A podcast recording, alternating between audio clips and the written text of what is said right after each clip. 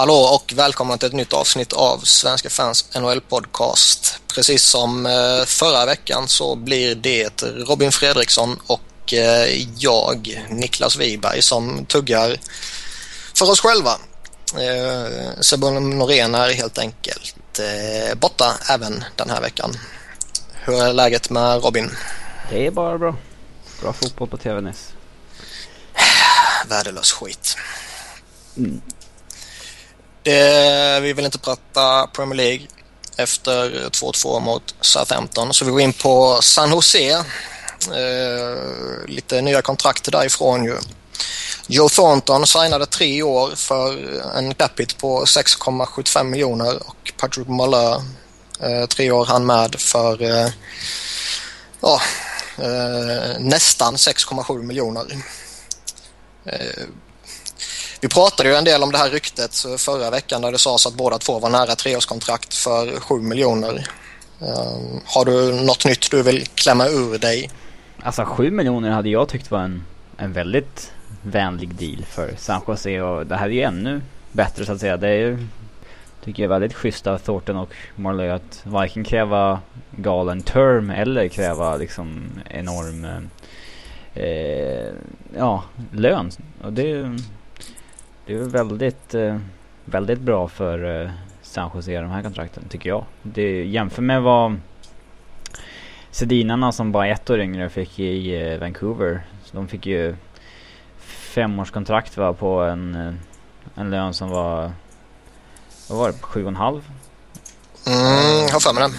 Ja, något sånt. det är ju, det här är ju två spelare jag hellre skulle ta än, än Sedinarna. Så att eller ja, sju, sju blankt fick Sedinarna på, på fyra sju år. Ja. På fyra mm. år. Eh, men det här är ändå det är ett år kortare och det är lägre lön på två bättre spelare enligt mig. Så det är, det är en riktigt bra deal tycker jag.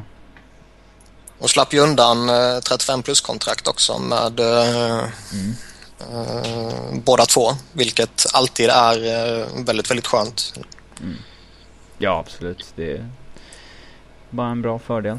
Sen eh, nu kan de ju få in eh, Thornton, Marley, Pavelski och Couture, alltså liksom under lönetaket utan, utan problem egentligen. Och eh, egentligen ha ganska mycket cap space över när liksom Dan Boyle, när det är dags för han att lägga av. Och de har ju Niemi på ett signat på ett snällt kontrakt redan. Och så de kommer ha en del att jobba med. Så det, det är väl inte förvånande om vi får se en free agency splash av San Jose inom något år. Mm. Det som var lite intressant det var ju snacket kring det här att uh, Jumbo Joe hade uh, kommit överens för en tid tillbaka sen och allt var klappat klart men han ville vänta in uh, så att även Marlö förlängde. Brothers. Ja, uh, de funkar väl bra tillsammans så sett men just, just den här grejen att att man som spelare säger att nej men jag vill vänta och skriva på innan eh, polaren här förlänger också. Vad, eh, hur känns det tycker du? Ja, i deras case är det väl lite väl, är det väl liksom, det är fine. De är ju ett eh, ihop, de är ett ihopkört radarpar som, eh, och är inte Marlowe där då kanske Thornton inte är lika sugen att skriva på men i deras fall där bägge har samma stjärnstatus kan jag, kan jag köpa det. För det är inte lika attraktivt att vara där ifall Malö in, inte längre är där. Men eh, är, det, är det så att Phil Kessel sa det i Toronto om att Tyler Bozak skulle bli kvar, hans liksom polare, då, då får man väl nej Phil. så att, ja. Eller ja, vad ska man göra? Man kan ju inte tappa Phil Kessel heller. Men Nej, men det är en intressant diskussion. Alltså hur, hur mycket makt eh, har spelarna över truppen och, och, hur mycket makt ska de ha? Och gillar man det eller inte liksom att de ställer krav på eh, ledningen så att säga? Det... Ja, och det, det, det är kanske en sak om, om man eh, ja, Joe Thornton går in och säger det här om Patrick Malheur som ändå är en gedigen spelare. Men säg att man går in och, och säger det om en om en eh, väldigt begränsad spelare i en fjärde kedja som råkar vara superstjärnans eh, liksom, jättepolare så att säga. Mm. Då blir det ju genast lite mer eh, ja, känsligt helt enkelt. Vi såg ju när eh, Steve Eisenman tradade bort Steven Stamkos bästa polare i Steve Downey förut. Det, det då var det lite förvånande just för att det var liksom ja, bästa polarna som de splittade upp. Just att skicka iväg superstjärnans bästa polare. Mm. Jag, jag kan väl tycka att eh, ah, fan det är, en, det är ett svårt ämne. Alltså, håller man sin stjärna, eh, sin lagkapten, sin målvakt, sin första back, alltså det här eh, glada och allt sånt här så gynnar det ju bara laget. Samtidigt, det är ju, det är ju inte Joe Thornton ska, som ska ta beslutet huruvida Patrick Marleau är fräsch nog att få ett nytt treårskontrakt. Nej, men det, det, fan det skulle varit intressant om uh, Sharks skulle kommit fram till att nej, vi vill fan inte satsa tre nya år på, på honom. Vi, vi låter honom gå. Uh, skulle Thornton sagt då att nej, men då kan ni riva mitt kontrakt också. Mm. Ja, det hade varit... Sa han det 0708 kanske när... Alltså... 0708 då hade ju... Patrick McLeod ett utgående kontrakt. Han gjorde 19 mål och 29 assist på hela året. Och sen så gick han och fick en löneförhöjning. Eh, från 4 miljoner upp till 6,3. Så nu vet jag inte, jag mm. han kanske signade det där innan sista säsongen på förra kontraktet. När han tapp, Alltså han gick ju från att göra 35 40 mål till att göra 19 och 29 assist. Jätteslamp verkligen. Men då ja. kan jag också vara kvar. Det kan, om det hade något med Joe Thornton att göra då, eh, det vet jag inte men.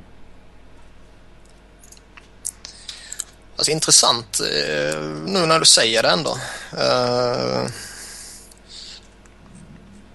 fan, det känns ju galet om det skulle vara så.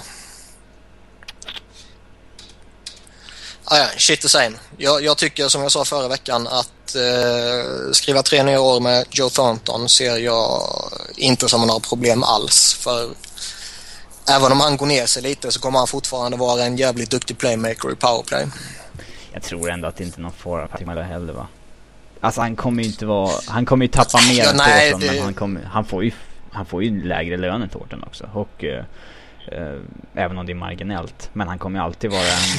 Jättemarginellt. Eh, han kommer ju alltid vara en, liksom en stabil målskytt och... Det tror jag med. Även om jag tror det är eh, en, eh, en större risk på honom på år, liksom sista året än vad det kanske är på Joe Thornton. Mm. Men som du sa, jag tror inte han kommer förfalla eh, helt och hållet bara sådär liksom. Nej. Det känns som att de har en hyggligt stabil core uh, under de närmsta åren. Mm.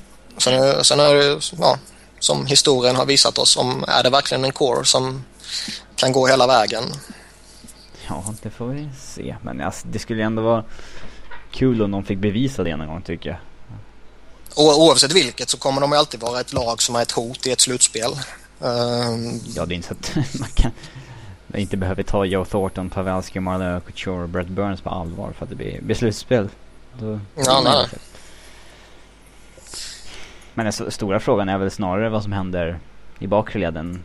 De blev ju ingen förlängning med Dan Boyle nu på samma gång och uh, vad som händer där det är ju det nu när om han försvinner till Free Agency i sommar, vilket liksom är ganska troligt för han är ju inte ens back som ska ha 6,6 miljoner längre. Då, då har han ju helt plötsligt ett ganska average defense, om ens det. Eh, då måste det hända någon, någonting där. Frågan är ju, alltså lek med tanken att man tappar Dan Boyle till uh, Free Agency. Uh, man lyckas inte hitta något så här jättesexigt alternativ för att ersätta honom. Frågan är om man slänger ner Brent Burns på, på backplats igen. Ja. Alltså för lagets, alltså för Brent Burns bästa är det nog att bättre att spela forward. Men redan nu så är det nästan bättre för laget om han går ner och liksom fyller ut den där top 4 i, i backsidan istället. Eh, men... Eh, Fast han var ju inte alltid jättesexig som back heller. Det var ju lite problem. Ja, absolut. Men det är lättare att hitta forwards än hitta backar. Jo, det är jävligt god poäng. Uh, ja, vi hoppar väl vidare till traden som vi såg här i veckan mellan uh, Rangers och uh, Nashville. Där vi såg Kevin Klein gå till Manhattan och Mikael Del Soto gå till Nashville. Yep. Det känns väl spontant, tycker jag, som att Rangers får en bra, ett bra utbyte för, för eh, Del Soro. Men det känns också som att de hade hoppats på betydligt bättre utbyte. Ja, det snackas ju om att Ottawa hade skickat tre spelare och sånt där. där ja, det var väl inte så sexiga namn kanske men det... Alla vet ju att Del Sotto är en back som ändå har ganska hög uppsida och eh, eh, Rangers, vi har snackat om det förut, de har ju ändå satt sig en lite konstig sits med honom när de liksom har snackat skit om honom öppet i media och sen tror att de ska få något, något bra utbyte för honom i en trade.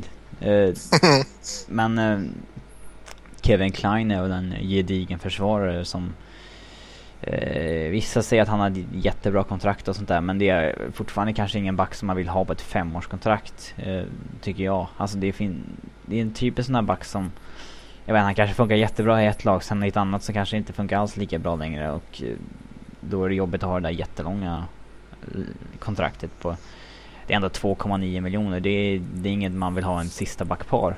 Och det, det är där han har spelat nu första matcherna i, eh, i Rangers med John Moore. Eh, men visst får Fast de, en, de får en mer stabil backuppsättning just nu. Alltså jag, jag tycker ändå att 2,9, det, det, visst alltså fem år det, det är kanske lite, lite väl långt. Det, det måste man ändå säga. Men 2,9 är ändå hanterbart även om um, man kanske om ett år, två eller tre år vill uh, ja, göra sig av med honom igen helt enkelt. Ja, alltså Alltså lägger du på en miljon på det där så blir kontraktet helt plötsligt uh, jättejobbigt om, spelaren inte presterar som man förväntar sig. Ja, sen... Alltså i... I Rangers så har... Uh, hur många backar är det som tjänar mer än honom där? Det är väl McDonough... Uh, Stahl, Stahl och Girardi. Mm, Girardi kommer ju, om han blir kvar, att få mycket mer betalt än vad han har nu. Så att... Ja, han bör väl vara, gå in som deras fjärde bästa back. Uh, åtminstone. Sen... Mm. I Flyers hade han väl varit åttonde bäst betalda back eller någonting men det är ju... Typ. de har en speciell lönelista när det gäller backar. Det måste man säga. Eh, lite så är det ju.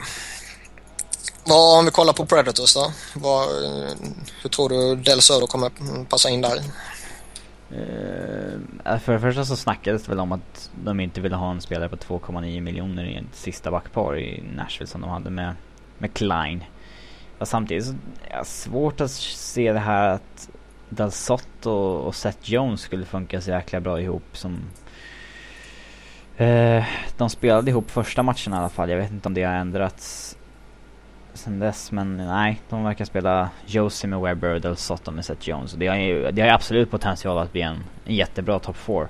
Eh, absolut. Men det, det kan ju vara skakigt första åren, känner jag. Det har ju börjat eh, snackas lite nu eh, när man i eh, Preds har fått in eh, Del Soro, man har Seth Jones och man har Roman Josi att man kanske är på ett annat sätt nu redo att börja, om man säger fundera över möjligheten att trada Shea Weber. Mm. Är det någonting som man kanske bör överväga? så går Seth Jones upp i ett första backpar och Ryan Ellis i ett andra backpar. De... Alltså om man säger kortsiktigt så är det kanske inte eh, rätt move att göra för att hålla sig konkurrensslagkraftiga. Men frågan är vad som gynnar dem mest långsiktigt. För jag menar, skeppar de ut Shea Weber så det är inte så att de får eh, en second rounder tillbaka. Första back på dagens marknad, den, den har lite value. Det, ja, verkligen. Jag skulle i alla fall lyssna mig omkring ifall jag var David Poyle för att... Eh, alltså... Sen ska man ju veta det, alltså kontraktet Shea Weber har, är, det är ju nog få lag som eh, vill ta på sig det kontraktet. Mm. Eh, och då menar jag ju rent ekonomisk synpunkt för han har ju det är några miljoner som ska betalas ut på eh, några få år här nu. Han har redan fått en uh, hel radda jävla miljoner och Eh, under de kommande uh, tre, fyra åren så har han ju lön på 12-14 miljoner och han har ju signingbonus på eh, 8 och 13 miljoner de första åren här och allt sånt här liksom. Så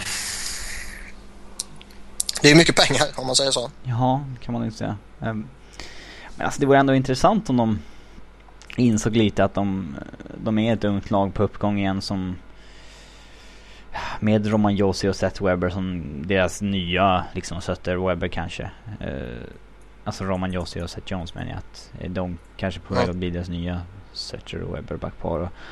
Men i Shea Webber då så har man ju verkligen någonting som Alltså man skulle kunna få en blivande första center som man nästan kan liksom garantera kommer bli en blivande första center någon superprospect som har tagits högt eller och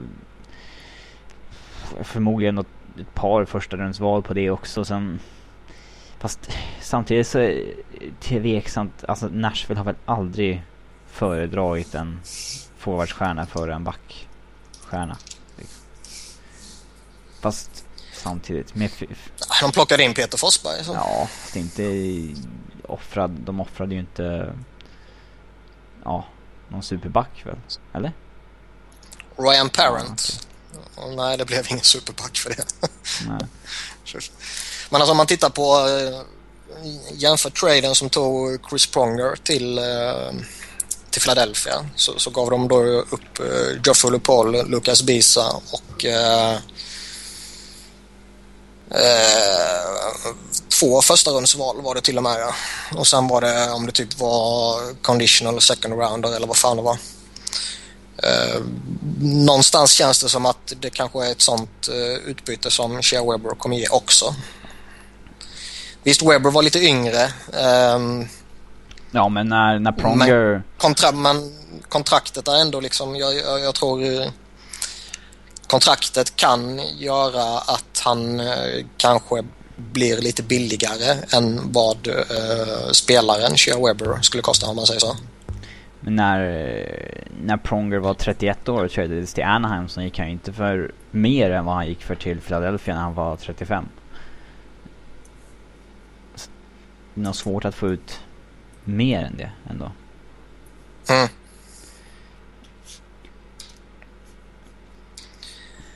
Vad säger du? Ska de trada honom eller inte? Ja, det tycker jag. Det vore roligt i alla fall att se vad som händer. Jag säger de ska trada honom till Flyers eller behålla honom. Ja. Då får de ju Braden Chen och Sean Couturier i alla fall. Det kan vara intressant. Ja, Couturier skulle jag nog inte vilja uh, ge upp om man ska ge upp båda två så att säga. Då får jag hellre en uh, Voracek, Simmons, uh, någon sån där liksom. Och typ fem förstagångsval eller någonting. Ja. Typ eller ja, tre i alla fall. Eller två blir det väl. Och ett par ja, andra runder. Min, min, minst två i alla fall. Uh, ah, nej, fan. Shea Weber, han är bra. Han ska vi ha. Uh, ska vi hoppa över på lite rykten istället? Ja, visst. Eller för Edmonton hade varit kul om de gick efter Weber. De hade ju kunnat langa upp en Jordan Eberle och... Ja, gudarna ska ju veta att de behöver Eberle det. Men, och Jakobov. Och förstahandsval. Och sommarens förstahandsval. Det som är lite intressant är att han har ju faktiskt ingen uh, no trade-klausul. Ja just det, det kommer jag ihåg när han signade uh, sitt offer sheet. Att det var lite såhär, jaha, han fick ingen no trade säger jag. Okay. Nej, nej. Så det, sen Sen är det väl så, börjar du snacka trade om att få en, en Shea Webber och han säger att nej jag vill inte spela nej, för dig. Då, kom, då kommer du inte betala det höga priset för honom. Nej, ja, Edmonton vet fan. De... Ja men fan, inte ens de kan vara så dumma i huvudet. För att som Webber har spelat efter han signade det offer sheetet när han liksom inte har velat vara kvar i Nashville. Då är väl ingen, alltså han är fortfarande en topp 5 back men det är väl kanske inte den backen man... Uh, han är inte lika bra som innan. Liksom. Nej det är han inte. Innan tyckte jag han var given topp 1. Uh, eh, nu är han väl, uh, som du säger, en av fem, en av sex, en av sju, något sånt här. Ehm, men vi hoppar på ryktena istället. Vi börjar i Kalifornien, Los Angeles. Det sägs att en eh, trade kan ske när som helst så att säga. Vad kan det tänkas röra sig om? Matt Molson? Det är lite så det tuggas, ja. Men ja, har man, har man råd att resigna en sån kille då? Annars känns det ganska ovärt. Man har 15 eh, miljoner eh, capspace för kommande säsong och man har väl ingen av de dyra nyckelspelarna att signa upp tror jag. Nej. Det är lite depth i Trevor Lewis och Colin Fraser, Dwight King, Matt Fratton. Uh. Det är ju några miljoner som, för, som försvinner när man uh, måste förlänga med alla, om, om man vill förlänga med alla. Ja, Matt Molson går in och tar 5-6 kanske. Ja. Så att uh, det går ju. Eh, det går ju. Så att ja, det hade fan varit intressant. De har ju liksom de vet ju vad de kommer ha för lön på Doughty. De vet att Quick kommer sitta på ett, ja, ett jävla kap egentligen om han fortsätter vara så bra som han är. Och Voino vet de också vad, vad de har. Och, så att, eh, och sen alltså ja, offra lite depp till sån här Dwight King och sådana där. Det, det, kan man alltid göra ifall man får in en spelare som gör 30 mål framåt. Ja, för fan. Att få lite sämre fjärde liner det kan man alltid leva med då. Så att det, det, det hade varit intressant. Framförallt att sen se vad... Vad skulle man, vad, vad skulle man ge upp tror du? Förstahundsval är ju givet. Behöver man, uh, behöver man skeppa någon uh, roster player så att säga? Roster player vet du fan alltså men... Uh, kanske en Tanner Pearson eller någon sån här uh, halvhypad prospect också som ska in. Uh, kan jag tänka mig personligen så eh, jag pratade, eller pratade gjorde inte, sms-konverserade lite med Marcus Andersson, våran LA-skribent om eh, behovet just av en left-winger och eh, lite extra mål. Och jag försökte lura på honom Scott Hartnell eh, i utbyte mot, vad var det, typ eh, Alec Martinez och Trevor Lewis tror jag. Eh, lite sån här hittepå-trade. Och någonstans känns det, visst Hartnell, eh, jag är väl kanske tveksam till om eh, det är så många lag som egentligen vill gå efter honom med tanke på hur han spelar nu. Men eh, tror ett av lagen som han kanske skulle vara rätt sugen på att wava sin no trade-klausul för att gå till, det skulle nog kunna vara Kings. Ja. För jag tror inte de skulle gå efter Hartnell. Nej, det tror inte jag heller. Sen är frågan också, det slog mig nu hur uh, sugen Hartnell är på att uh, återförenas med Jeff Carter. Det var ju lite uh, lite rykten som cirkulerade med uh, med Carter och uh, Hartnells uh, numera exfru. Men som jag vet fan om det egentligen var någonting där eller om det bara är liksom den här allmänna smutskastningen som var på Jeff Carter.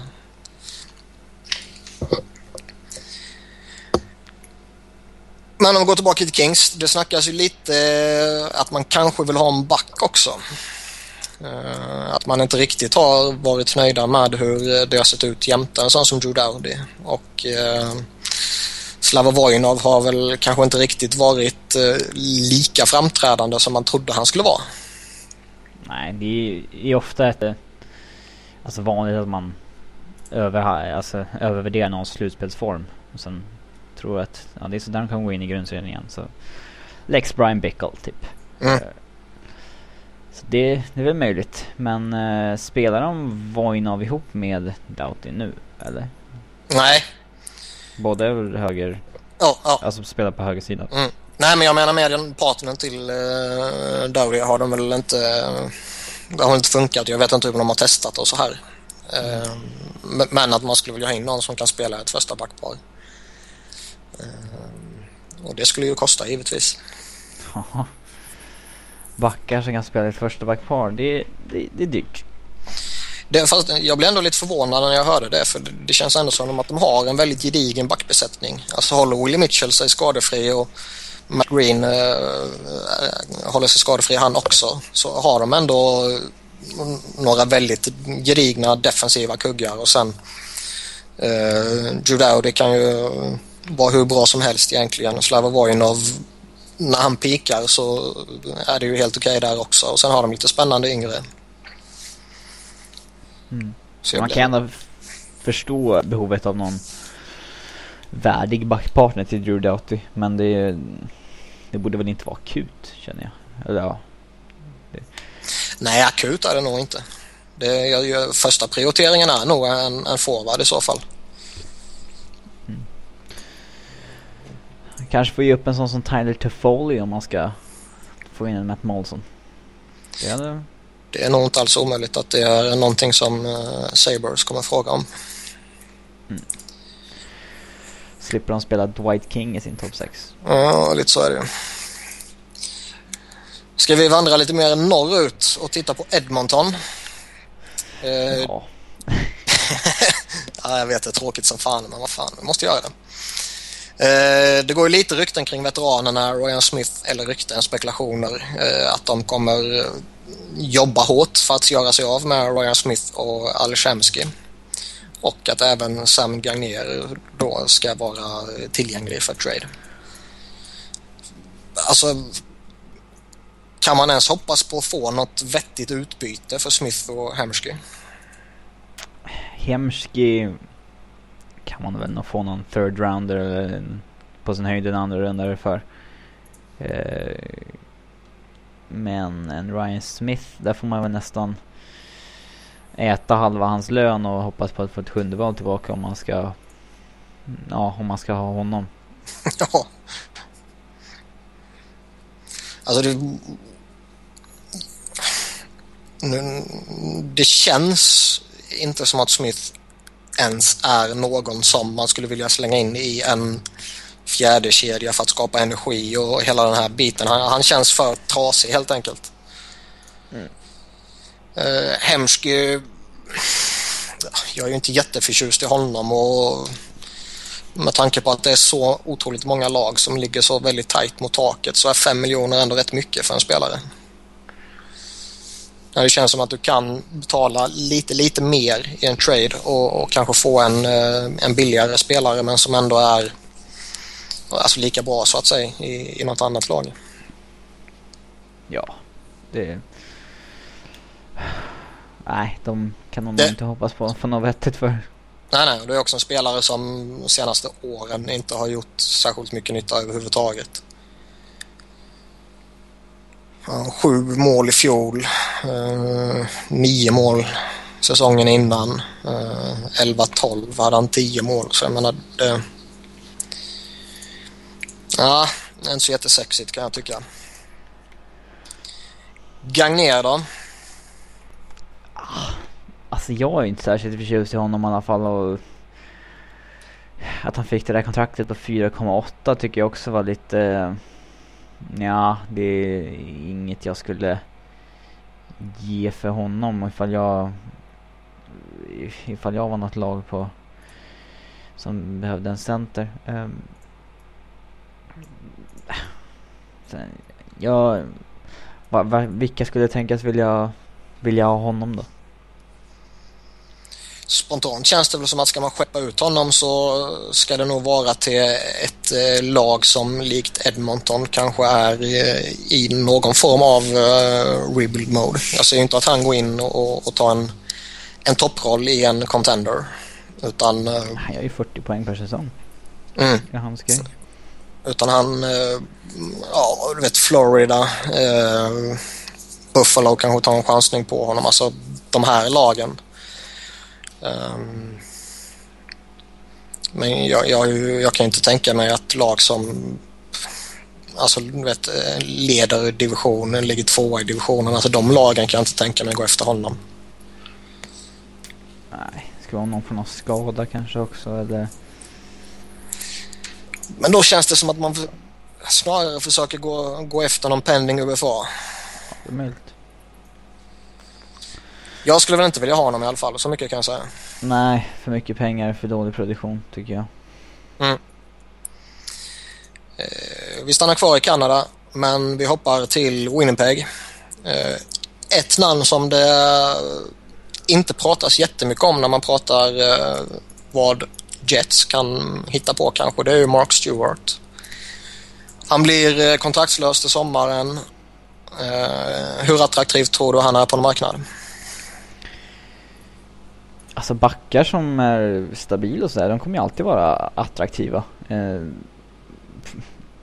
för det finns ju lite som när jag snackade toppt eller liksom första backar att det inte finns tillräckligt många för att gå runt så finns det ju inte riktigt det finns inte så att alla lag kan ha sex riktigt bra backar i NHL. Det, Mark Stewart tycker jag ändå är en stabil snubbe som man kan lita på och så vidare. Det är en spelare jag gärna skulle ha i min backbesättning i alla fall. Mm. Uh, sen så vet fan om man kan få speciellt mycket för honom. Det är väl ett andra rundsval eller något dylikt. Det känns som att Boston borde fundera över honom. Eh, de säger sig vilja ta en, eh, en ersättare till eh, Dennis Seidenberg som är skadad här och missar hela säsongen. Han har varit i Bruins tidigare, känner organisationen. Ehm, som du säger bör han väl inte kosta jättemycket men jag tror samtidigt inte han kommer bli billig. För det är ändå en eh, gedigen back som ja, som vet sitt jobb liksom. Sen är det väl klart, han är inte den mest... Uh, han är kanske inte den backen man frågar om uh, om du söker back alternativ i Winnipeg i första hand. Utan det kanske är eh, Zach Bogosian eller Big Buff man tittar på i så fall.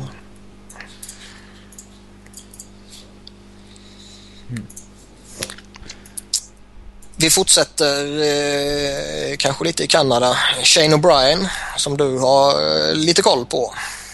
Shane O'Brien. Mm. Han blev ju wavad och nedskickad och eh, Brian Burke går ut och säger att Nej, men du är en bra spelare. Eh, vi ska försöka trada honom. Eh, för det första så är det ju absurt att man säger att en spelare som man precis har wavat och blivit nedskickad och som inte platsar i Flames backbesättningar är en bra spelare. Um, men ja, vad är det för snubbe vi pratar om helt enkelt? Brian Burke eller Sean? Sean? Nej, inte, nej, inte Burke.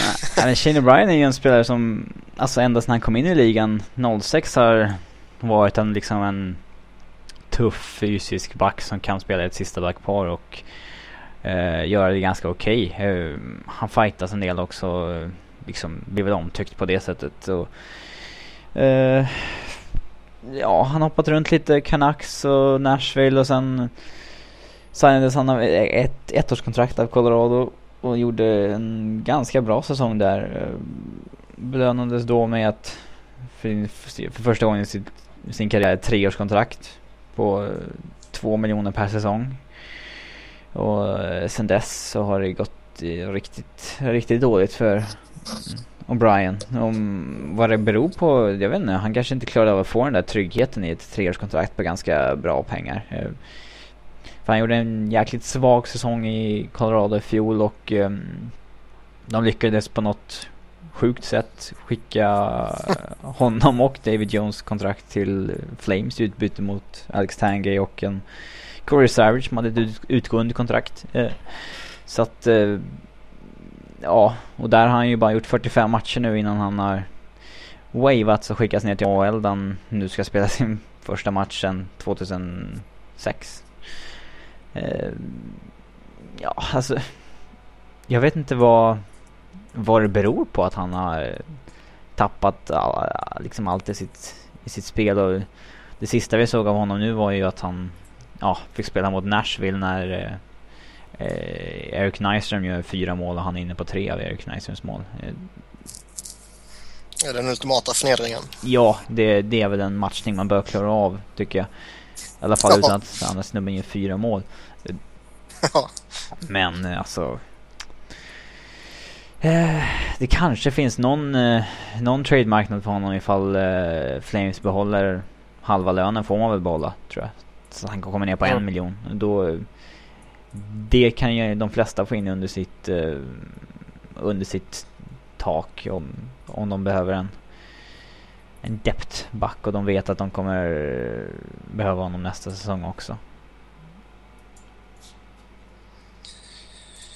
Vi eh, snackade ju lite Nashville tidigare med Shea Weber och eh, vad heter han? Del Soto. Men eh, bör man kanske sälja av ytterligare veteraner? Eh, för det, ja, det är väl rätt givet att de eh, inte kommer blandas in i slutspelskampen va?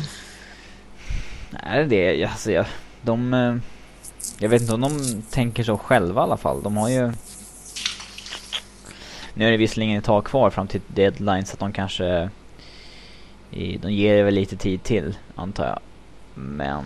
Men kan, men kan man verkligen, alltså de, de har Chicago, St. Louis, Colorado som ändå får ses som eh, rätt givna i alla fall. Eh, och sen har man Minnesota som känns som är eh, snäppet före dem också. Ja. Ja, alltså. Hade, hade Pekarinne varit frisk den här säsongen så det är ju definitivt en 10-15 poäng de hade haft med. Ja, det, är alltid, det, det avgör ju allting. Ja. Så är det verkligen. Och han kommer vara borta en bra bit till. Mm. Uh, jag, jag, tror inte man vill trada David Legwan. Det är ändå en spelare som är Nashville. Uh, han var den första de draftade och han har varit där hela sin karriär. Jag tror inte att de vill.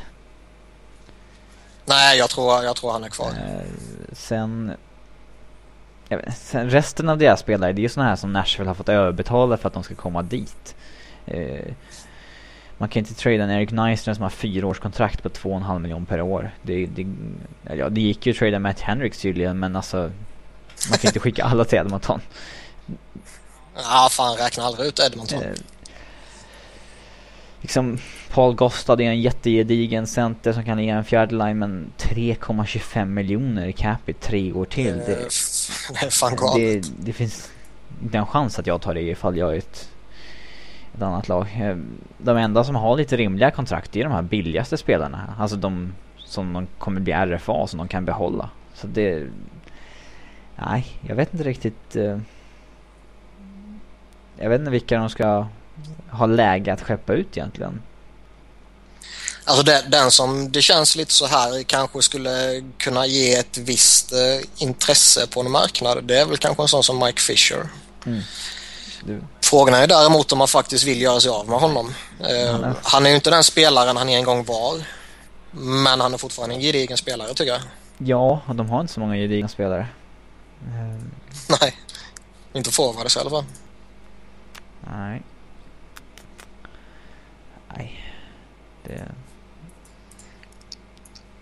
Det är kört helt enkelt. Ja, jag ser inte riktigt vilka de skulle kunna de har inga backar heller. De har ju sin backuppsättning nu ganska set in stone om, om vi inte liksom snackar Shea Webber. Men ja, vi får se.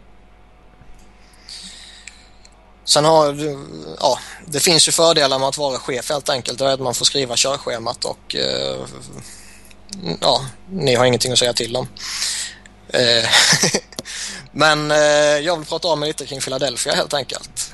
Eh, Innan jag gör det så vill jag fråga dig om Flyers bör rusta för en slutspelskamp och eh, helt enkelt försöka förstärka laget.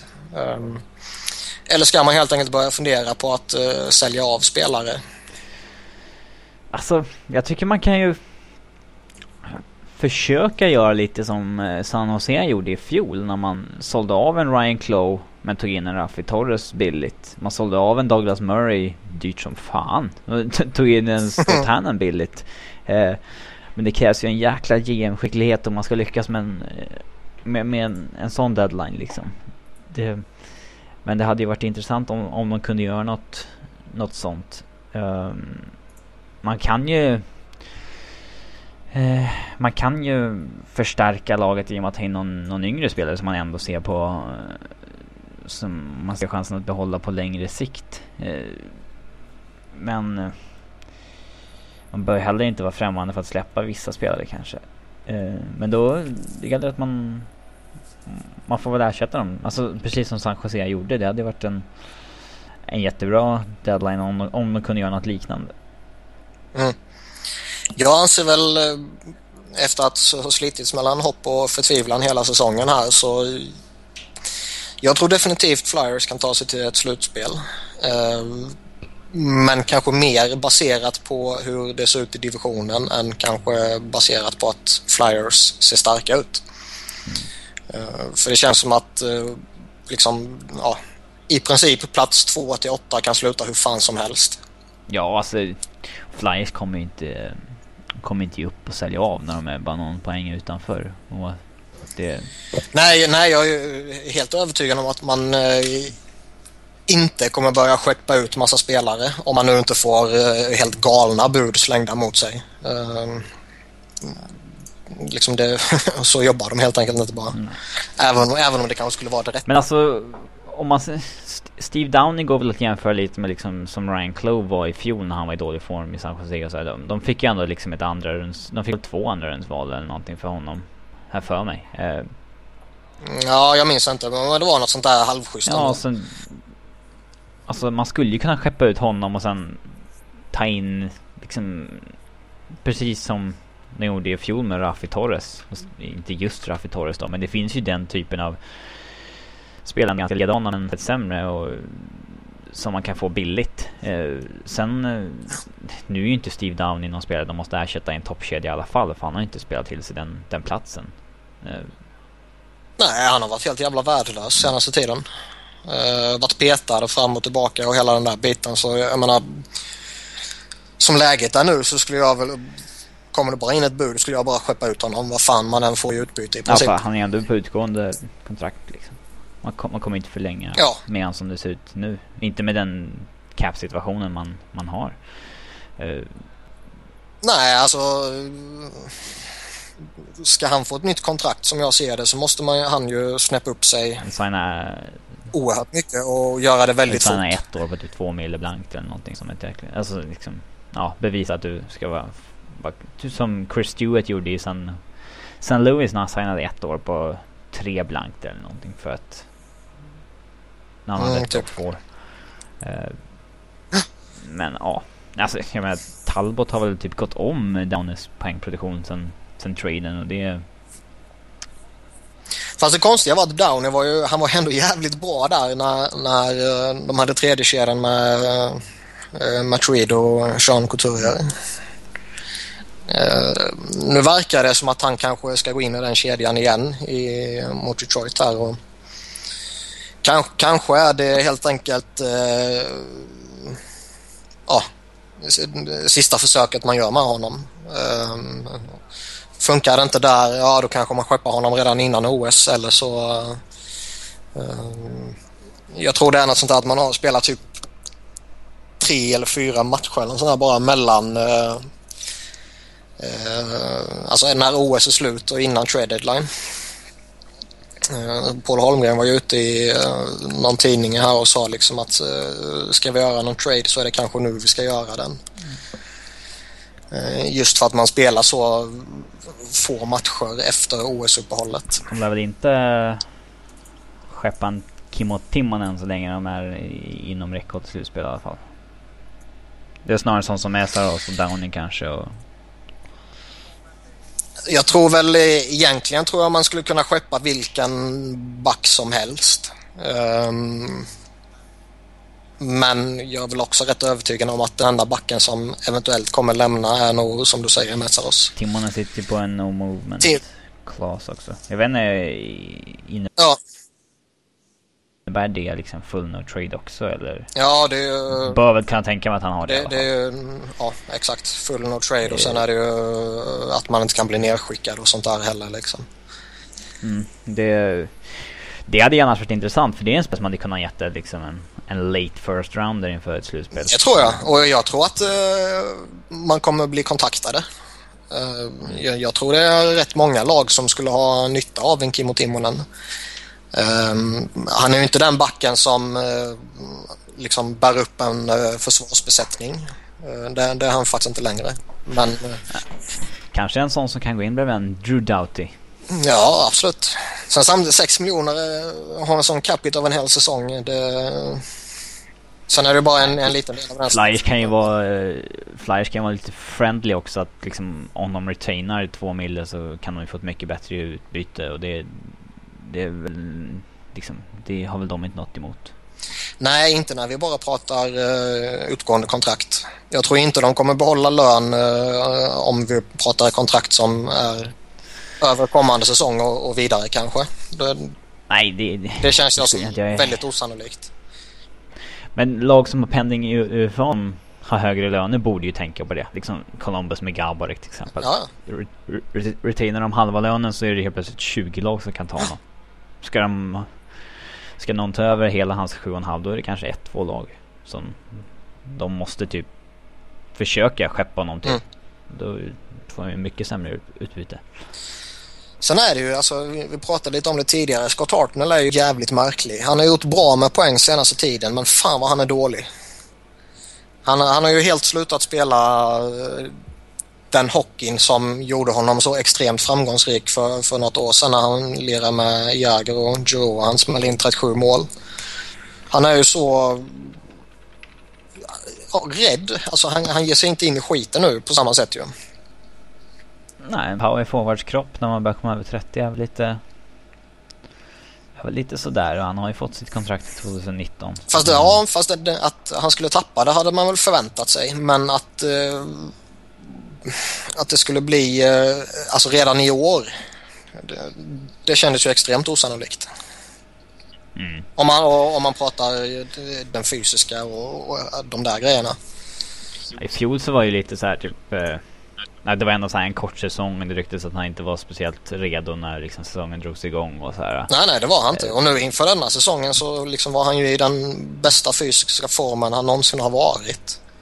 Alla, mm. alla tester och allt sånt här de gjorde. Mm. Det, Men det är väl... Alltså, som du säger att han spelar inte på det sättet längre. Då spelar väl inte fystesterna någon, någon roll. Nej, så är det. Sen är det lite intressant snack kring eh, backarna också. Eh, just eh, Niklas Grossman och Luke Chen som i grund och botten tycker jag väl egentligen att man kanske bara ska ha en av den spelartypen på det kontraktet. Ja, de tjänar ju bägge lite för mycket för att köra ett sista backpar. Alltså problemet är väl inte just det. Problemet är att man kan inte spela de två tillsammans. För då, då kommer ju... Ja, fan det kommer gå helt åt helvete ju.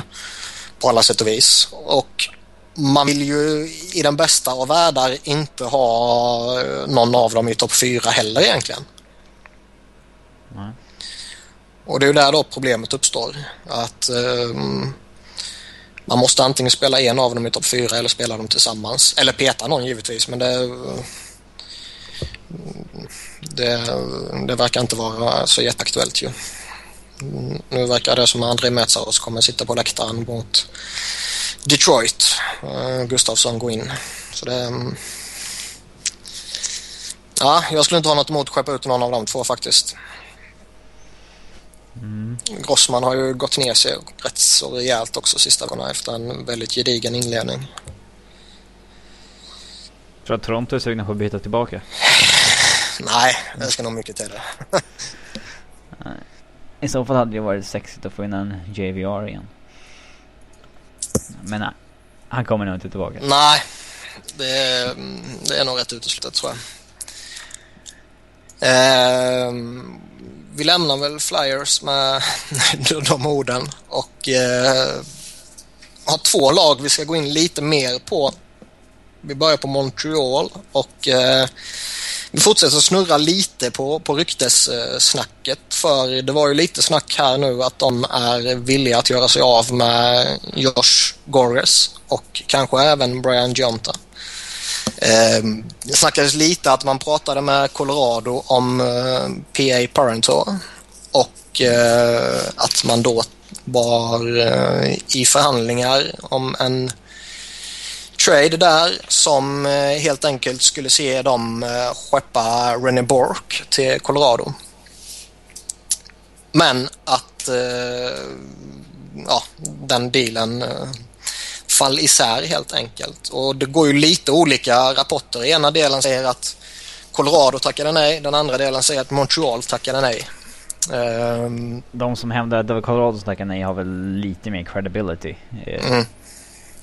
en, den enda som hävdar att det var tvärtom är en lokal Montreal, uh, ja, typ beatwriter. Uh, det vore ju, alltså, det är ju helt absurt om det stämmer att Montreal tackade nej till den traden. Mm. Nej, jag tror inte att... Det, det låter för osannolikt för att nej. liksom vara sant faktiskt. Däremot är det givet att Colorado ska tacka nej. Ja, fan de funkar ju, passar inte dem för fem år. Om de ska skeppa iväg PA Parent då som eh, det sägs shoppas runt. Eh, så ska de ju ha en back i utbyte och eh, René Bork är ju usel nu för tiden och eh, passar inte in i Avs liksom. Om, de ska ha ett extremt skridskostarkt lag och mycket speed i forwardsuppsättningen och så vidare. Men det är ju ingenting som han bidrar med. Mm. Eh, att, nej, det, det tror jag inte på. Men eh, det sägs ju även att Ottawa och Detroit skulle ha varit sugna på Parento. Och eh, det är väl Ottawa den eh, mer givna tradeparten anser jag. Jag anser inte att Detroit har någon back någon upp eller någon utrymme i sin forwardsuppsättning för Parento. Eh, en Mark Methot kanske eller eh, ja, någonting liknande. Mm. Jag skulle eh, göra Avs lite sugna på en trade. En sån som Josh Gorgres, alltså... Men det var det man trodde, det var det som var... Eftersom det ryktades tidigare samma dag att de hade kallat till möte i Montreal med sina pro scouts och det ryktades att Josh Gorgias och Brian Jonta kunde tradas. Eh, och sen så snackades det om Parento och att Montreal ville ha honom. Då kändes det ganska givet med en eh, ja, straight up deal. En riktig hockey trade liksom. En back till Colorado och en forward till eh, Montreal. Eh, Fast det är ändå inte lite märkligt att man vill göra sig av med honom. Om nu ryktena stämmer så att säga. Vill och vill men det är de... Ja, vi överväger, kan tänka whatever. Eh, de har liksom Nate Volue på uppgång, Jerry Tenordi, de har väl... De har väl någon, eh, ett par som de känner kanske är redo. Och då är väl Josh Gorges, om, om han ska ner i tredje backpar så... Eh, eller någonting liknande, då tjänar han ju på tok för mycket. Alltså... Alltså man måste väl ge någonting för att... Om man ska nå, Om man ska boosta den där forwardsuppsättningen. Jo, givetvis. Men om man ändå, alltså, tittar man på backbesättningen så är det få spelare man har på kontrakt utöver denna säsongen. Mm. Det är han och sen är det Alexej Jemelin. Mm. Resterande är UFAs eller RFAs. Och då exkluderar jag en sån som Nathan Bellieu till exempel som är på sitt entry level kontrakt fortfarande. Mm. Så som Andrei Markov jobbar de ju på att signa sägs det. Eh, det är annars en back som skulle kunna få ett väldigt lukrativt treårskontrakt eller någonting på UFA-marknaden. Tror jag. Ja, absolut. Brian Jonta då? Eh, någonstans kan jag tycka att man bör oroa sig rätt mycket när ett lag kan tänkas eh, vilja trada sin lagkapten. Eh, ja, men samtidigt. Eh, man vet ju vad han har gjort förr. Eh, och... Mm, alltså det finns ju bra många exempel på när liksom... Jag menar Boston har tagit in några sådana här veteraner senaste åren inför slutspelet. Det har liksom funkat rätt bra. Han har ju utgående kontrakt också så att det är inte... Alltså kan han gå in på en, i en tredje line eller någonting? Och, eh, alltså jag skulle inte vara jätteorolig för att det är en ganska low, låg risk. Jo, så är det um, Om man tittar lite på hur det har gått för dem senaste tiden så har det ju inte gått jättebra. De har torskat fyra raka och på de tio senaste så är man 3-6-1. Yep. Var, ja, varför har det gått som det gått? Eh, det snackas väl lite om att eh, Michel Terrien håller på att tappa det lite i, i Montreal men eh, han sägs ju också inte vara ett dugg aktuell för att få kicken. Alltså Mark Bur Bob McKenzie var det som sa att Mark Bergevin liksom har en tar stor stolthet i att han är en sån som inte, ja, skickar man, eller skickar coachen när liksom så fort det blåser och, mm. sådär. Eh, eh, men, ja, jag vet inte. De, de har inte jättebra lag, det kan man inte säga. Eh, de ska väl ligga någonstans där, där de ligger helt enkelt. Det, sen, man kan väl alltid gå på en losing streak lite här och där. Det är sånt som händer. Ja, jag tycker inte de ska vara missnöjda med sin säsong överhuvudtaget. Alltså att fortfarande vara aktuell för, för en topp tre. Eh, alltså, ja, nej, det kan man inte vara missnöjda med som jag ser det. Även om man eh, givetvis var väldigt duktiga förra året. De plockade hem divisionen och hela den där biten. Mm. Men det känns som att det Montreal vi ser i år är kanske det, det mer korrekta så att säga laget än det vi såg i fjol. Mm.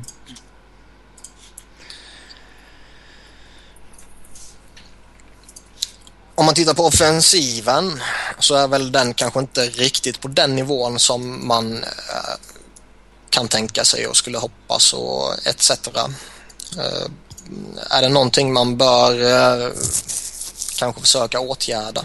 Man har försökt lite här om, om ryktena med Parentor stämmer och, och lite sådär va men är det något man ska satsa på eller har man en offensiv som helt enkelt är tillräckligt bra? Alltså de skulle ju behöva en mera... En mer eh, värdig liksom första, andra center. Det, det är ju fruktansvärt svårt att eh, skaffa. Det är, förr i tiden så var det enklare att göra sådana hockeytrades. men nu det... Alltså David Deharnay har ju gått ner sig fullständigt sen han fick förlängt och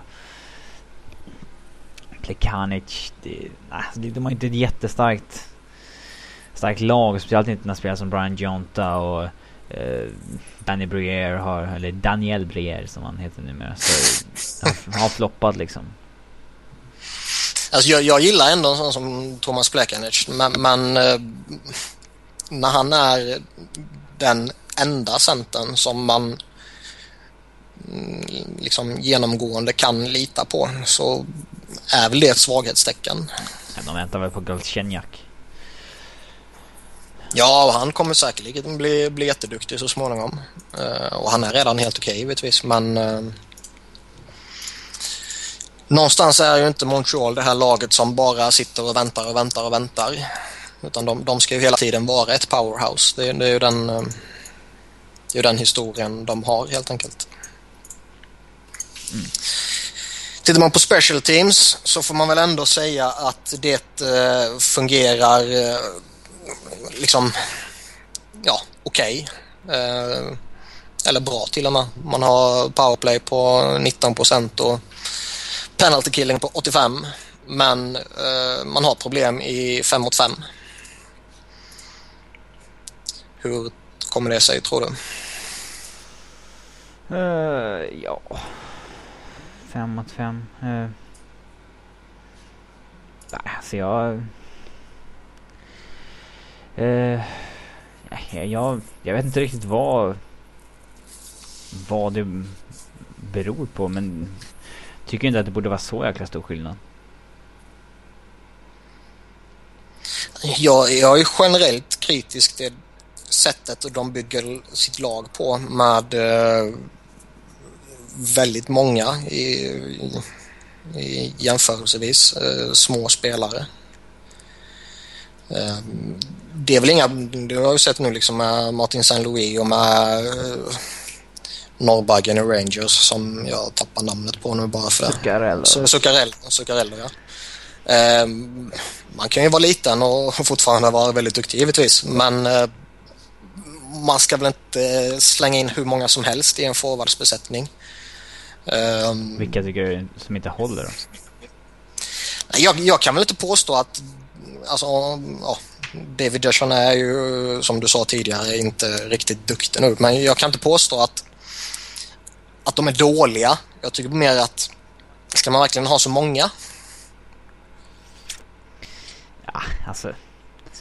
Jag, jag vill till skillnad från dig inte så för jag tänker inte så mycket på storleken på spelarna. När jag,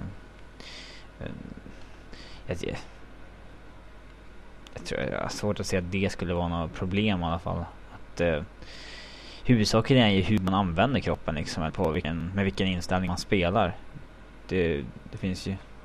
Jo, men du, du har liksom Brian Jonta, du har Danny Breer, du har eh, Galchenyuk, du har Gallagher, du har eh, Deschanais som vi nämnde tidigare. Det är liksom fem man som eh, där merparten av dem inte är den här som liksom trots att de är små går in och tar kampen. Nej, de misslyckades väl rejält med Rennie Bork-dealen när de skulle... Det var väl lite det de sökte då. Eh, men... Ja. Det, kanske någon... Eh, kanske behövs någon power forward men jag skulle fortfarande... Alltså en bättre playmaking center liksom än vad de redan har. Hade ju varit bra. Mm.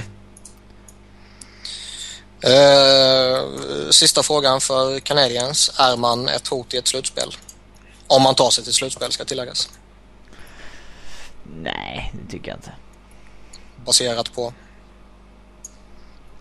Ja, med, mediokert lag, medelmåttigt lag. Men kanske 15 bästa laget i NHL. De har svårt att se vad ett hot liksom.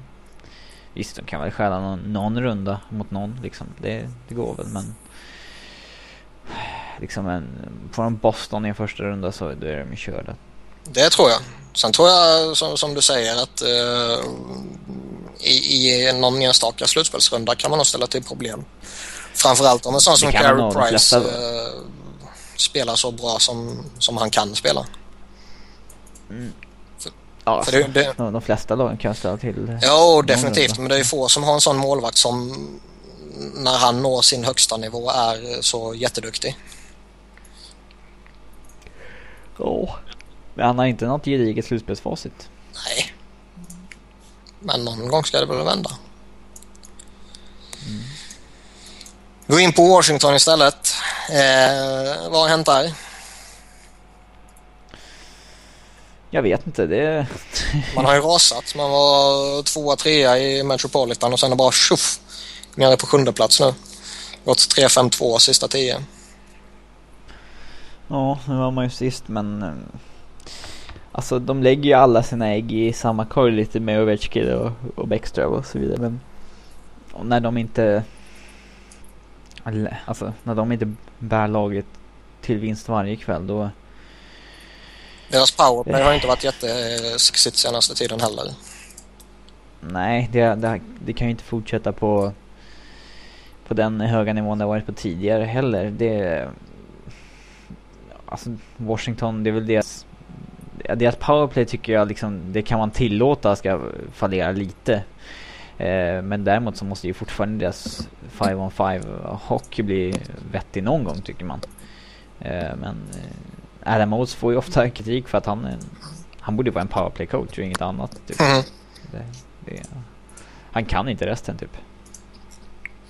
Han är duktig på att gnälla på när andra lag gör, eh, eller lag, spelare, gör uh, fina mål.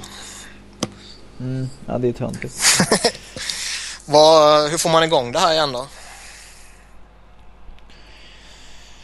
Hur? Ja. Nej, den där är jag inte bra på alltså. Då hade jag varit coach. Menar du det? Ja, det tror jag. Jag... Eh, den är väl lite kopplad till eh, eh, en annan fråga. Det här lite med, med målvaktssituation, hur man ska göra där och, och, och hela den biten. Och någonstans tror jag det sprider en eh, otrygghet i att snurra på eh, tre snubbar och, och hela den här biten. Och, och nu får han chansen. Nej, han sket sig. Nu får han chansen. Nej, det går åt helvete för han. Nu får han chansen och sen får han chansen igen och sådana här grejer. Det, det är inte rättvist mot målvakterna och det är inte rättvist mot laget heller. Och jag säger inte att eh, Braden Holtby, för att nämna någon av dem, eh, kommer gå in och, och spela, får han spela 15 matcher här så kommer han rädda hela laget och de blir superhot i slutspel och bla bla bla. Jag, jag säger inte det men jag tror det skulle kunna ge en trygghet i laget. Att man känner att okej, okay, nu har vi den här målvakten som vi satsar på. Mm. En pro produktiv, produktiv första kedja kommer de ju alltid ha men de har inte riktigt det här djupet de brukade ha. Brooks Like har ju efter lite skador och skit eh, inte lika effektiv som tidigare. Troy Brower eh, är väl okej. Okay. Martin Erat vet vi kommer inte göra några mål i år. Eh. och deras bottom six är väl, den är väl alltså Forwardsen är väl okej okay, men de har inte centerdjupet de en gång hade heller. Mm. Eh, I alla fall inte nu med Grabowski borta. Eh, men han är väl tillbaka snart. Mm.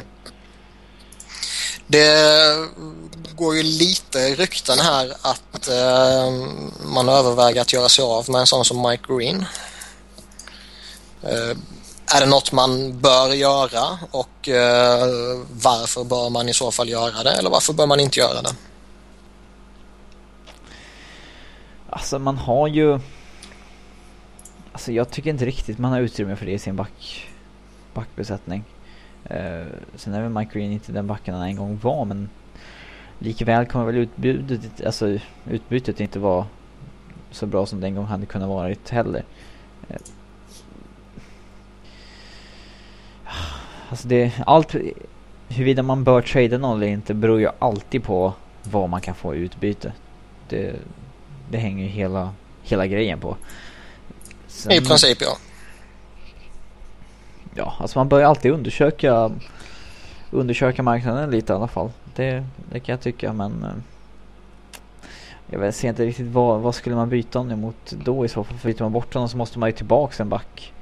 Mm. Och, Alltså jag, jag, kan väl tycka så här att lite som du är inne på att det, utbytet skulle vara för lite för att liksom det skulle åtgärda några liksom stora problem i laget så att säga.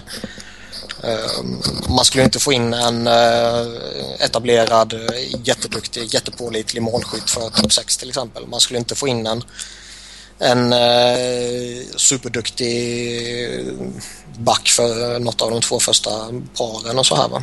Som man kanske skulle fått tidigare år då baserat på hans eh, extrema produktion.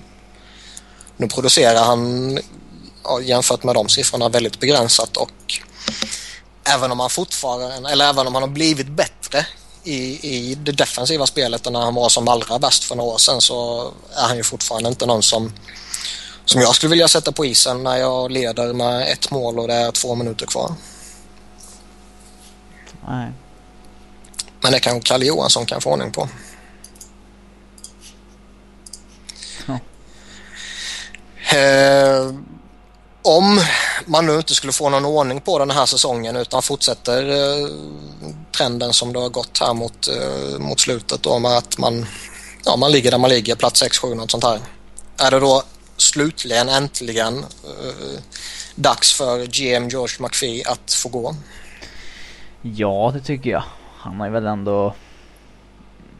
Ja, han har väl gjort en del moves senaste åren som liksom eh, har byggt på liksom att det kanske är dags för honom att eh, att få gå förr eller senare. Um, han har ju varit GM där sedan 97 så att han har Eh,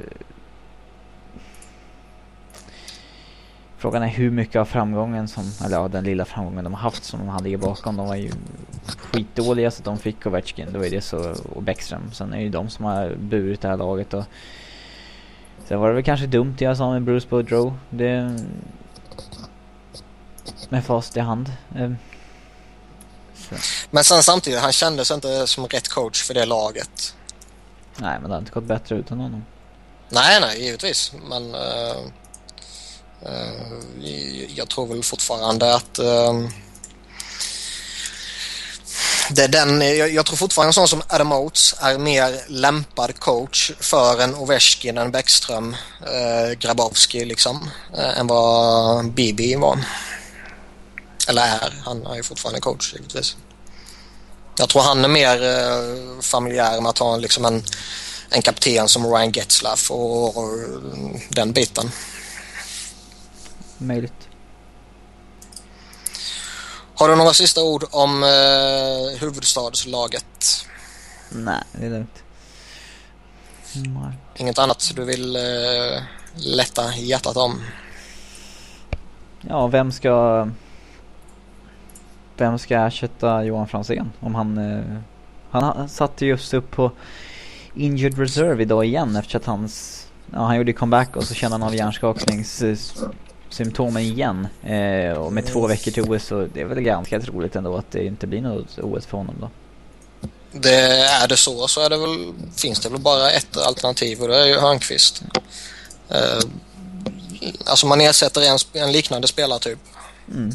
Ja, det tycker jag med. Eh, lite, det... lite sämre givetvis men sen kan det lika gärna bli någon jävla Simon Hjalmarsson eller Joel Lundqvist eller... Det sägs ju att eh, de tre forwardsen som var på reservlistan är Marcus Johansson, Patrik Hörnqvist och Gustav Nyqvist. Eh, Gustav Nyqvist skulle väl jag tycker väl jag är långt ifrån en OS-spelare. Eh. Ja, men det är Jimmy Eriksson också. Ja.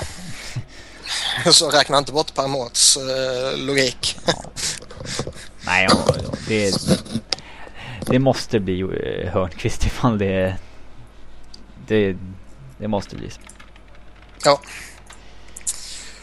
Med de orden så avslutar vi veckans program och eh, vi är tillbaka nästa vecka som vanligt och eh, vi får se om Sebbe är med oss då mm. eller inte. Nej. Tack för den här gången. Hej hej!